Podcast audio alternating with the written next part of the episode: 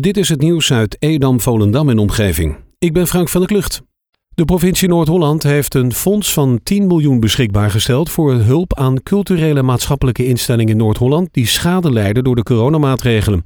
Voorwaarde voor deze steun is dat de gemeente 35% van het schadebedrag zelf bijlegt. Gemeente Edam-Volendam heeft het Volendams Museum, CBW PX, de Openbare Bibliotheek Waterland en Muziekschool Waterland voorgedragen voor hulp uit het noodfonds. Het is niet zeker of deze organisaties de hulp ook echt krijgen. In november neemt de provincie een besluit daarover. Donderdag start de aannemerscombinatie Gebroeders Beentjes en Hillebrand BV in opdracht van het Hoogheemraadschap Hollands Noorderkwartier met de vervanging van de Kwaadijkenbrug in Kwaadijk-Purmerend.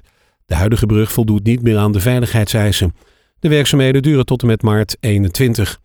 De Kwaadijkenbrug is gelegen over de Purmerende Ringvaart in de gemeente Purmerend en Edam-Volendam. Het verkeer en ook het landbouwverkeer kan gedurende de afsluiting gebruik maken van de omleidingsroute over de N244. De gemeente Waterland wil op 2 november met inwoners in gesprek over de warmtetransitie van de gemeente. Zij onderzoeken momenteel wat voor die transitie nodig is, welke alternatieven er zijn voor aardgas en welke volgorde wijken en buurten in Waterland van het aardgas af zouden kunnen gaan. Daartoe stellen ze momenteel een visiedocument op, de transitievisie warmte. De gemeente gaat stap voor stap veranderen. Ook in jouw buurt zou je dat op termijn gaan merken. De digitale inwonersavond vindt plaats op maandag 2 november vanaf half acht en de avond duurt tot 9 uur.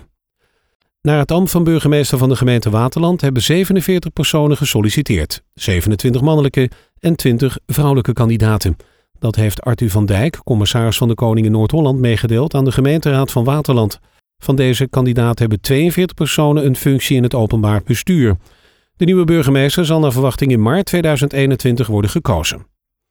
Door de toename van het aantal coronabesmettingen zijn in navolging van het landelijk beleid de maatregelen bij de gemeente Werven aangescherpt om daarmee het bezoek aan de gemeentestraat veilig te houden voor bezoekers en medewerkers.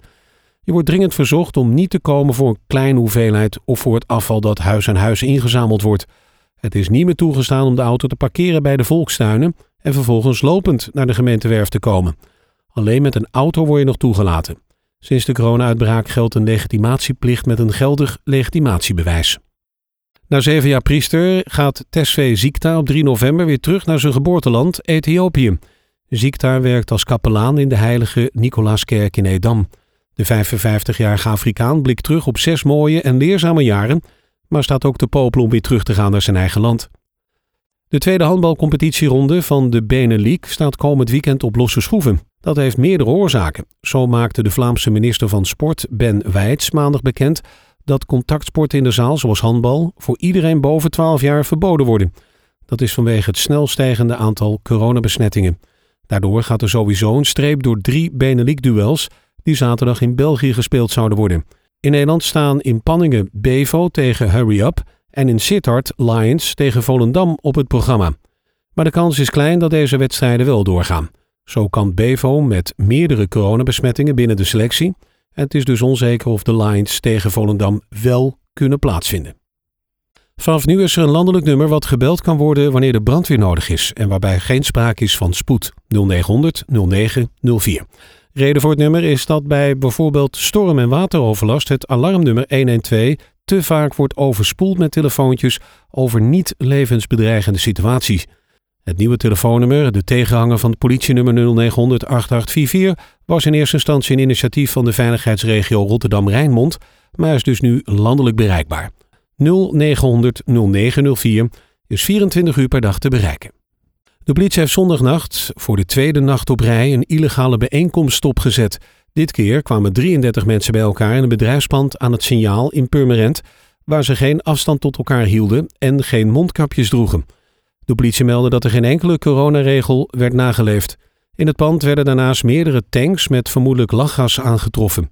Verschillende mensen liepen volgens de politie met ballonnen aan hun mond. Ook stond de ruimte vol nicotinerook.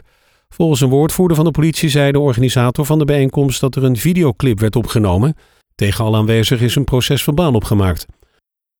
Tot zover het nieuws uit Edam, Volendam en omgeving. Meer lokaal nieuws vindt u op de Love Kabelkrant, onze website of in de app.